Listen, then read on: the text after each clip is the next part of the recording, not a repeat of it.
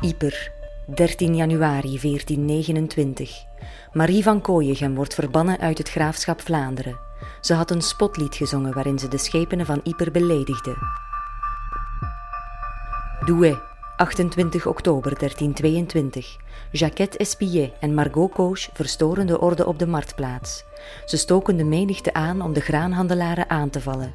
De twee vrouwen worden verbannen uit Douai, maar niet voordat hun tong wordt afgesneden als bijkomende straf voor hun opruiende woorden.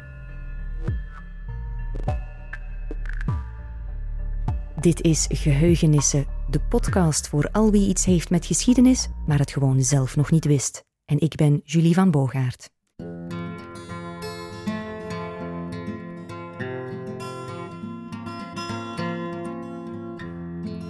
In deze aflevering praat ik met Lisa de Metz, doctoraatsonderzoekster aan de Universiteit Gent. Ze vertelt ons meer over de rol van vrouwen tijdens middeleeuwse opstanden. En die was veel groter en diverser dan je zou denken. Aan politieke onlusten was er in laat-middeleeuws Vlaanderen geen gebrek. De opstand waarmee Lisa veel te maken krijgt in haar onderzoek is de Vlaamse opstand tegen Maximiliaan van Oostenrijk. Dat zitten we eigenlijk in, in de late middeleeuwen, rond uh, 1482. Dan sterft eigenlijk de laatste Bourgondische erfgename, dat is Maria van Bourgondië. Zij sterft erg onverwacht uh, door een jachtongeval en heeft dan op, op dat moment nog een minderjarige zoon, Philips de Schone. En haar weduwnaar, Maximiliaan van Oostenrijk, die probeert eigenlijk van het regentschap in plaats van die zoon dan uh, op te eisen en zelf regent te worden van het graafschap Vlaanderen, maar ook van het hertogdom Brabant, het uh, graafschap Holland, uh, de Bourgondische, het hele Bourgondische Rijk eigenlijk, dat wel vrij uitgebreid was op dat moment. Maar al heel snel in Vlaanderen, maar ook in andere steden, uh, komt men eigenlijk opnieuw in opstand tegen uh, die hertog, die helemaal niet populair is, zeker in Vlaanderen niet. En in Vlaanderen gaat men eigenlijk een regentschapsraad oprichten. De Vlaamse steden, samen met een aantal uh, prominente edelen, gaan eigenlijk zeggen van kijk, wij zijn het regentschap over die, die, die jonge graaf Philips. En wij erkennen enkel Philips als graaf van Vlaanderen en niet jou, Maximiliaan. De Vlaamse opstand tegen Maximiliaan van Oostenrijk komt uitgebreid aan bod in middeleeuwse kronieken, onder meer in de zogenaamde excellente kronieken van Vlaanderen, die Lisa voor haar doctoraat helemaal uitpluist. Een kroniek is een, ehm, een historiografisch werk eigenlijk. Wij nu vandaag als, als historici schrijven geschiedenis, maar in de middeleeuwen ging men eigenlijk ook de eigen geschiedenis gaan schrijven en herschrijven. En dat gebeurt in de vorm van een kroniek. Hè. Mijn kronieken gaan over de geschiedenis van Vlaanderen. Verhalen dus eigenlijk de geschiedenis van Vlaanderen van een soort van mythische, legendarische oorsprong in een heel ver verleden, uh, tot dan de, de, voor hen contemporaine periode op het einde van de late middeleeuwen. Het onderscheid tussen feit en fictie is in de middeleeuwen nog niet zo duidelijk als het voor ons is. Hè. Dus ze beginnen eigenlijk bij een, soort van legendarische woudmeester, de stichter, mythische stichter van het graafschap, hè, uh, die het opneemt tegen een reus. En ze eindigen eigenlijk bij uh, ja, waar gebeurde feiten en, en verhalen eigenlijk oorlogen, uh, de honderdjarige oorlog, de, de, de, allerlei opstanden tegen de graven en zo. Wie waren de auteurs van die kronieken? Uh, dat waren rederijkers. Um, op, dat is eigenlijk een heel typisch fenomeen voor de lage landen. In de late middeleeuwen, dus vanaf het einde van de 14e eeuw, begin van de 15e eeuw, krijg je bij ons eigenlijk ja, literaire clubjes van, van mannen vooral, die uh, zich bezighouden met allerlei literaire activiteiten maar ook uh, het opvoeren van toneelstukken en zo. En die worden eigenlijk uh, door de Bourgondische hertogen uh, ingezet in allerlei festiviteiten, maar ook door het stadsbestuur van verschillende steden. Ingezet in allerlei grote uh, intredes, stadsfeesten, processies, waarbij men eigenlijk ja, de heiligen van een stad gaat vereren. Dan worden rederijkers ingeschakeld om toneel te spelen, om dat op te luisteren met allerlei gedichten of voordragen. Um, en zij zijn eigenlijk heel dankbaar voor ons de grootste uh, bron van ja, literaire activiteiten en, en van stadsgeschiedenis ook heel vaak. En op een, of andere manier zijn rederijkers ook wel altijd wel betrokken wanneer het misloopt in de stad en worden ze eigenlijk door de stadsbestuur vaak ingeschakeld, ook in, in, in opstanden en zo, om dan een soort van propaganda te voeren uh, voor het stadsbestuur. Rederijkers hebben dus heel wat te vertellen over opstanden. En dan hebben ze het ook over vrouwen. Maar die vrouwen zien we dan vaak in een slachtofferrol. Dus wanneer men beschrijft wanneer dat de, de hertog of zo uh, met zijn troepen de steden binnenvalt en, binnenvallen en, en, en plunderen, uh, worden eigenlijk vrouwen en kinderen vaak als eerste slachtoffers daarvan beschreven. Hè. En men is in het onderzoek eigenlijk dat idee gaan overnemen, van, dat eigenlijk uit die chronieken komt. Hè. Maar dat is eigenlijk een heel literair uh, motief. Dus je had het, het, motief van de stadsmaagden. Dat is eigenlijk een heel een allegorische, symbolische figuur, waarbij eigenlijk de zuiverheid en de integriteit van de gemeenschap gesymboliseerd wordt uh, aan de hand van een vrouwelijke figuur. Hè een maagd, dus een, een, vrouwelijke figuur. Dus wanneer je in die chronieken al die beschrijvingen krijgt van vrouwen die verkracht worden of uh, beroofd worden, dan verwijst het eigenlijk naar een soort van schending van de gemeenschap als een geheel. En dat was iets heel herkenbaar, denk ik, voor de algemene middeleeuwse stadsbewoner, hè, die, dat symbool van die stadsmaagd, um, en van, van die vrouw die dan toch beschermd moet worden. Hè. En en in dat opzicht, hè, vandaag de dag is het nog altijd wel zo, als je aan vrouwen en kinderen raakt, dan, uh, ben, je, ja, dan ben je moreel inferieur. Hè. Maar in de middeleeuwen was dat ook zo. En er zat ook wel een, een politieke ideologie achter, omdat de vrouw symbool kon staan voor eigenlijk de stedelijke gemeenschap. En, en de, veel onderzoekers hebben eigenlijk dat discours van die chronieken overgenomen in het onderzoek. En gezien van, kijk, ja, vrouwen zijn in eerste plaats slachtoffer van opstanden en slachtoffer van geweld en zo. Maar dat is eigenlijk gewoon het, het, het, literaire motief dat in die, in die bronnen staat, in die narratieve bronnen staat, dat gaan ze eigenlijk overnemen. Hè. Het literaire motief van de vrouw als slachtoffer werd door geschiedkundigen dus iets te letterlijk genomen, waardoor de indruk ontstond dat de betrokkenheid van vrouwen bij opstanden gering was. Wanneer ze toch als actieve deelnemers opduiken, worden ze al gauw in een andere stereotyp vrouwelijke rol gedwongen, de moederrol. Lang, lange tijd in het onderzoek naar opstanden werd er eigenlijk een onderscheid gemaakt tussen een, een moderne uh, opstand en een premoderne opstand. Dus een premoderne opstand, alles wat dat voor het ancien regime plaatsvond. En dan vanaf de 19e eeuw had je eigenlijk de moderne, de politieke opstanden. Maar alles wat dat dus in het, in daarvoor, voor de Franse revolutie, uh, plaatsvond, waren premoderne opstanden en dat waren vaak veel, volgens die onderzoekers dan, veel minder politieke uh, gestuurde opstanden, heel vaak vanuit een economisch motief. En daarin hadden onderzoekers ook wel al ruimte voor vrouwen omdat ze een soort van, ja, en wanneer, wanneer er economische repressie is en uh, mensen geen graan meer kunnen betalen, hè, uh, dan dacht men, ja, dan zijn vrouwen natuurlijk die eerste die in opstand komen, want ze kunnen hun kinderen niet, geen eten meer geven. Dus ze krijgen heel vaak dat motief van uh, vrouwen die in die opstand dan wel deel zouden genomen hebben, maar enkel vanuit het idee van, ja, dan moeten ze toch hun, hun kinderen kunnen eten geven. En, en daarom, dat is eigenlijk de enige motivatie. En er is geen politieke betrokkenheid van vrouwen bij die, bij die opstanden. Enkel vanuit een soort van nood, een biologische nood, om, uh, om hun te zorgen dat hun kroost niet verhongert.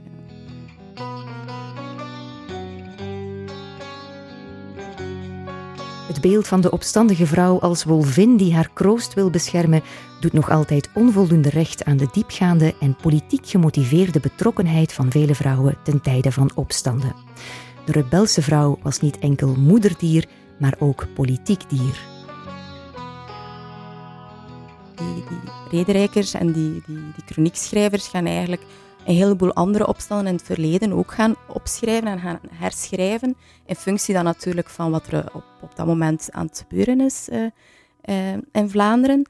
En dan merk je toch dat ze eigenlijk heel terloops een heleboel ja, zaken vertellen over vrouwen die daar toch in deelnemen. En dan vooral in de eerste plaats, uh, zoals ik al zei, als, als, als eerst als slachtoffer, maar toch ook in een heel actieve rol. Hè. Dat ze geweld gebruiken. Bij het herschrijven van de kustopstand bijvoorbeeld beschrijft uh, de auteur van de excellente chronieken bijvoorbeeld hoe uh, vrouwen eigenlijk het gevolg van de, graaf van Vlaanderen, op dat moment Lodewijk van Nevers, in elkaar gaan slaan met stokken en eigenlijk alle paarden bijna kreupel slaan met stokken. Dus ja, het is toch wel opvallend. Op, op sommige, sommige momenten wordt zelf vermeld dat wanneer dat de mannen afwezig zijn, de vrouwen worden opgeroepen om, om de markt te gaan bewaken, om de stadspoorten te gaan bewaken. Het wordt niet letterlijk bijvermeld dat ze gewapend zijn. Dat is wel iets belangrijk, want ehm, in de middeleeuwen uh, mochten vrouwen eigenlijk geen zwaarden dragen, maar ze werden vaak wel met stokken en dergelijke gewapend. Andere voorbeelden zijn hoe dat ze bijvoorbeeld het leger van de, van de hertog Maximiliaan, die dan de stadspoorten bereikt, eigenlijk door stenen naar beneden te gooien van die stadspoorten. Hoe dat, dat ze op die manier het, het leger proberen tegen te houden. Dus heel terloops eigenlijk krijg je toch wel heel veel van die verhalen. En het, wat dat denk ik opvallend is, is dat uh, die chroniekschrijvers daar niet echt een punt van maken. Hè. Het lijkt alsof ze dat wel normaal vinden dat die vrouwen daar zijn en dat die vrouwen ook deelnemen uh, aan, aan, aan, die, aan die opstandige activiteiten. Dus het wordt niet meteen als iets uitzonderlijks nee, nee, inderdaad. Uh, en dat is enigszins ergens opvallend, omdat in, in onderzoek, recent onderzoek, maar ook onderzoek in het verleden naar opstanden, eigenlijk vrouwen nooit op die manier een grote rol hebben gekregen of nooit in het onderzoek naar opstanden zijn, zijn betrokken geweest. Maar ze zijn er duidelijk wel, omdat zelfs uh, ja, laat-middeleeuwse chroniekschrijvers toch wel melding maken van activiteiten van vrouwen in, die opstanden.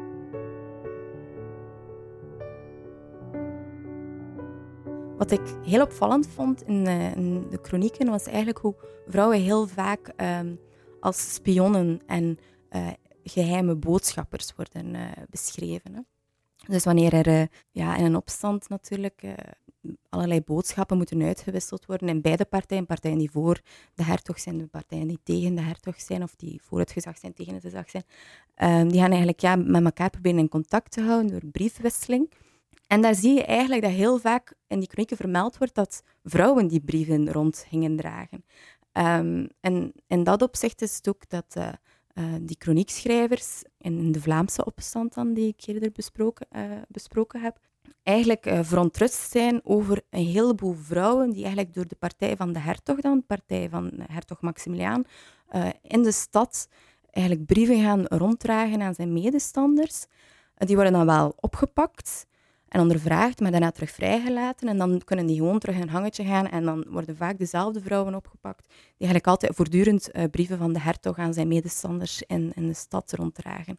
En het is opvallend uh, hoe vaak dat vrouwen in, in die rol worden beschreven vrouwen die de wapens opnemen, de wapens die ze mogen hanteren, stokken en, en kasseistenen en zo meer, die waren eigenlijk wel frequenter, kwamen frequenter voor dan men lange tijd heeft gedacht. Mhm. Maar uh, naast die, die geweldplegingen waren er ook wel andere manieren waarop vrouwen hun onvrede uiten. Ja, inderdaad. Hè. Een van de redenen ook waarom dat in, in recent onderzoek toch steeds meer uh, vrouwelijke opstandelingen opduiken, is omdat men uh, eigenlijk de definitie van opstand een beetje heeft breder gemaakt. En dus nu kijken wij ook eigenlijk naar heel ja, banale, kleine handelingen, uh, politieke handelingen, uh, uh, of uitingen van verzet, van uitingen onvrede. van verzet, van onvrede. Veel meer dan dat we eigenlijk alleen naar het rituele aspect gaan kijken. Naar de grote betogingen. Naar de, de, betogingen, naar de, naar, naar de ambachten die, die met een banier in de stad om, uh, de, de markt gingen gaan bezetten. Hè. Want daar maakten vrouwen natuurlijk geen deel van uit, want zij konden geen lid zijn van een ambacht. Maar nu gaan we eigenlijk gaan kijken naar mensen die hun onvrede uiten door ruzie te maken in kroegen over een politiek thema, door um, politieke liederen te zingen, um, door, door dingen te schreeuwen in de openbare ruimte. Hele kleine uh, zaken van tekenen van politiek verzet. En daar merk je dan plotseling wel dat er een heleboel vrouwen zijn die op die manier hun mening gaan uiten en eigenlijk een opstandige mening uh, gaan uiten tegen het, het, het, bestuur van dat moment. Dus er zijn er heel veel voorbeelden in, in vonnissen en dergelijke van, van, van vrouwen ook die uh, bijvoorbeeld een, politieke liederen gaan zingen in, in de kroeg uh, tegen de schepenen en dan opgepakt worden en verbannen worden voor levenslang. Um, dus men heeft eigenlijk een beetje het idee van wat is een opstand nu verbreed en daar een bredere definitie van aangegeven. En dan zie je wel dat heel veel vrouwen ook in die kleinere politieke handelingen in het uh, onvrede uiten en zo, dat ze daarin, daarin wel een, een mening hadden en een politieke mening. Wordt dat dan beschreven ook in, in jouw bronnen? Ja, in zekere zin wel. Dat soms de, man, de vrouwen eigenlijk de mannen een beetje gaan opstoken om, om, om tot actie over te gaan. Hè. Dat ze Ehm, soms dingen gaan schreeuwen op de markt uh, en dan, dan, dan pas komen de mannen eigenlijk op, de, op de markt. Hè, dat de vrouwen eigenlijk vaak het initiatief namen en zeggen van ja, nu is het moment, hè, de hertog is net weg, je moet uh, op de markt komen. Ja, dat zijn wel dingen die, die beschreven worden. Ja.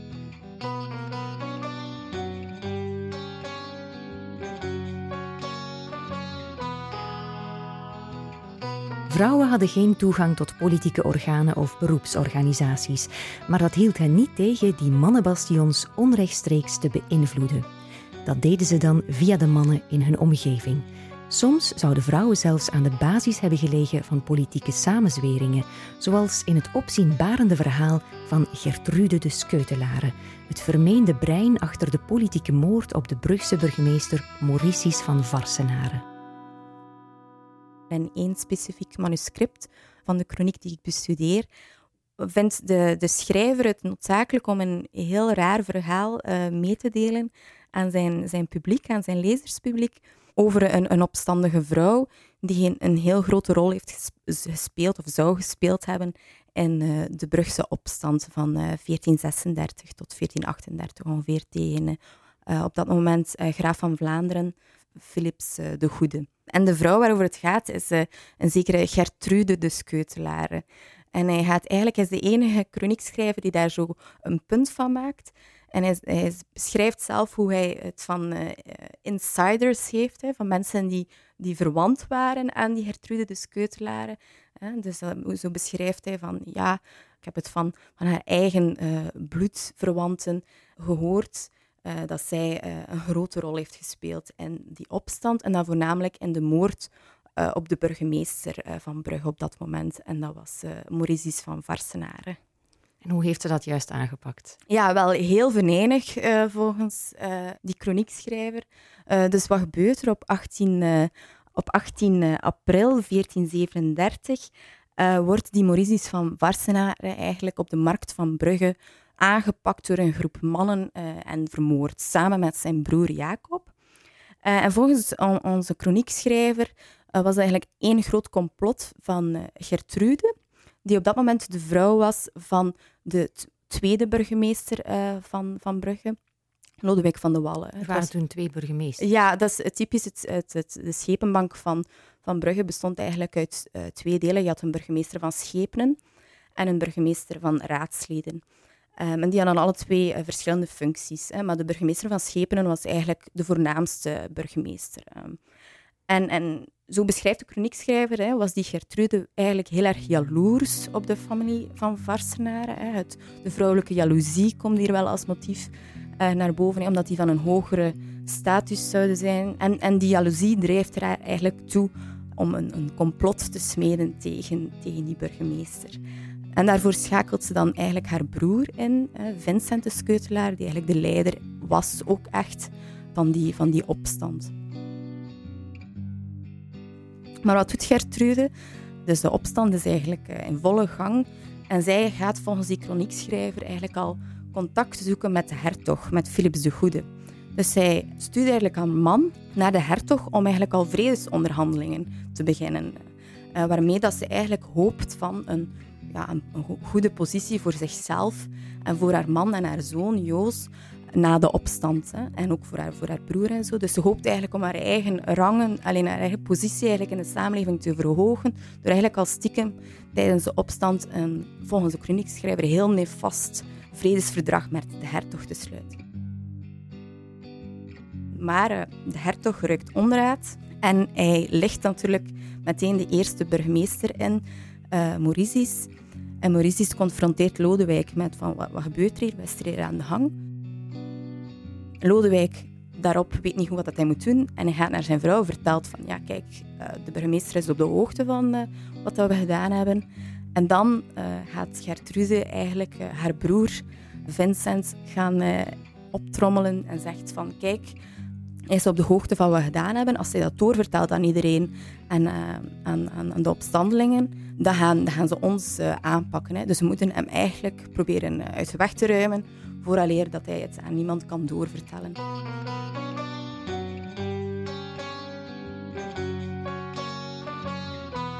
Dus wat gebeurt er? Hè?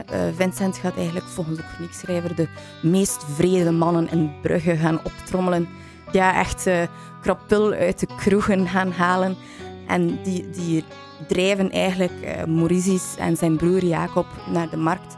En die slaan ze daar volledig in elkaar totdat zij eigenlijk dood zijn.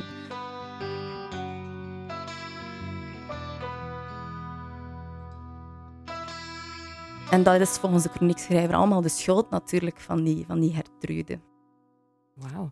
Gertrude de Skeutelaar is eigenlijk een beetje de Vlaamse Lady Macbeth. Ja, inderdaad. Hè. Het is een echt bijna een literair motief van de vrouw die de man opstookt en de man die bijna hulpeloos gewoon alle mannen, hè, zowel Vincent als Lodewijk, gewoon de bevelen van die vrouw gaan opvolgen. Maar het, het is waarschijnlijk meer dan een literair motief, uh, omdat Gertrude wel echt verbannen is geweest samen met haar man na de opstand. En ze, hebben ook, en ze worden eigenlijk beide vermeld in een uh, genadebrief ook van de hertog.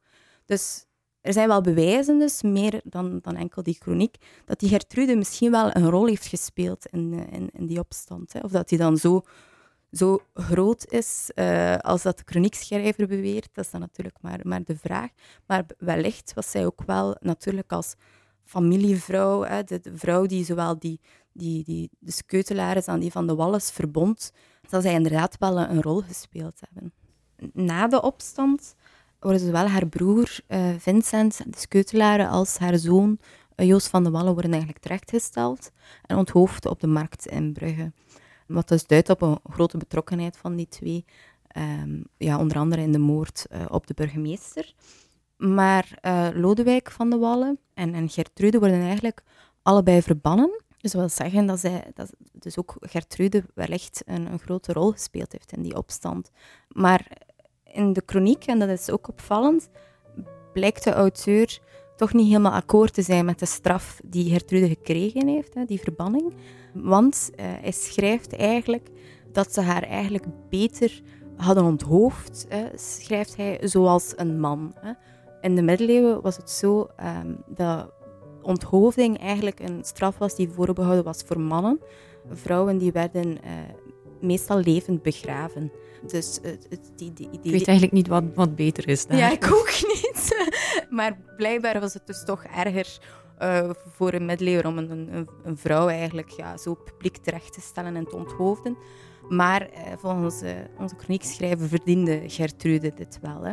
En hij had zelfs, uh, hij zei ja, ze hadden ze moeten begraven dan op de markt. Hè, en heel publiek een, een, um, een, een bordje bijzetten. Hè. Op haar graf moest geschreven staan, zegt hij, hier ligt de felle vrouwen die bij haar valsheid de prins in vrezen zijn lijfs brochten en de steden van Brugge in haar meeste kwalijk vaart. Dus eigenlijk ter ter herdenking van, van de, de kwaadaardigheid van die vrouw, hadden ze eigenlijk voor eeuwig en altijd een bordje op de markt moeten zeggen van hier ligt eigenlijk een, een valse vrouw, uh, dus die bijna de prins en Brugge uh, om zeep heeft geholpen en, en, en teniet heeft gedaan.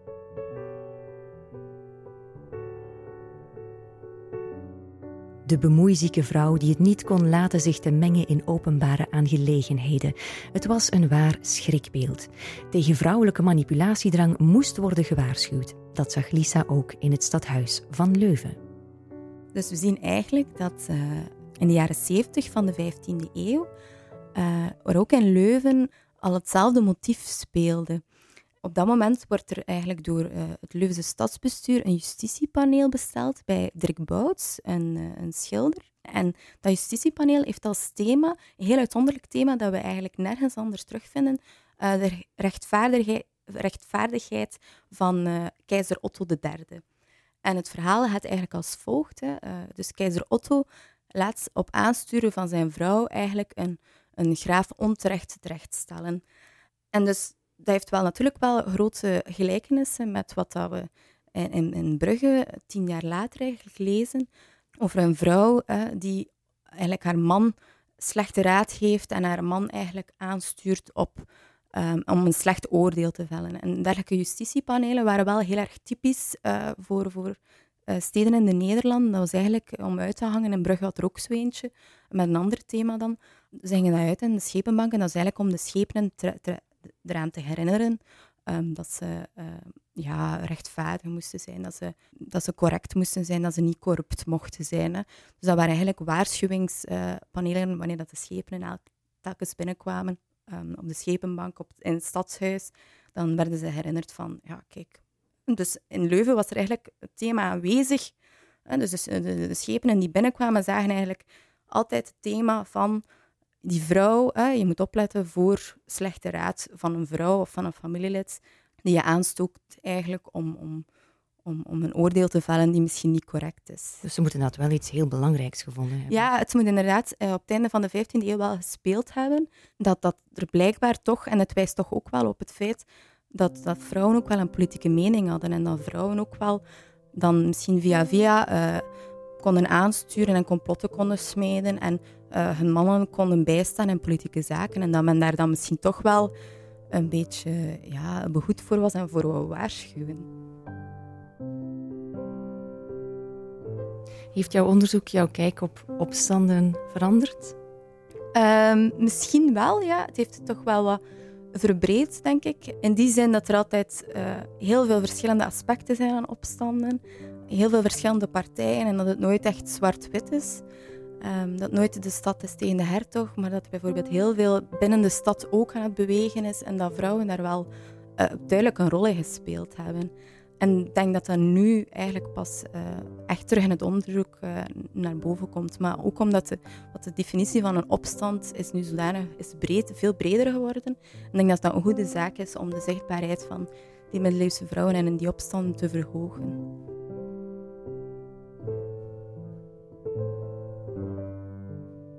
Rebelse vrouwen ten tijde van middeleeuwse opstanden. Het onderzoek van Lisa de Metz zorgt ervoor dat we hun gezang en geschreeuw vandaag toch nog een beetje kunnen horen.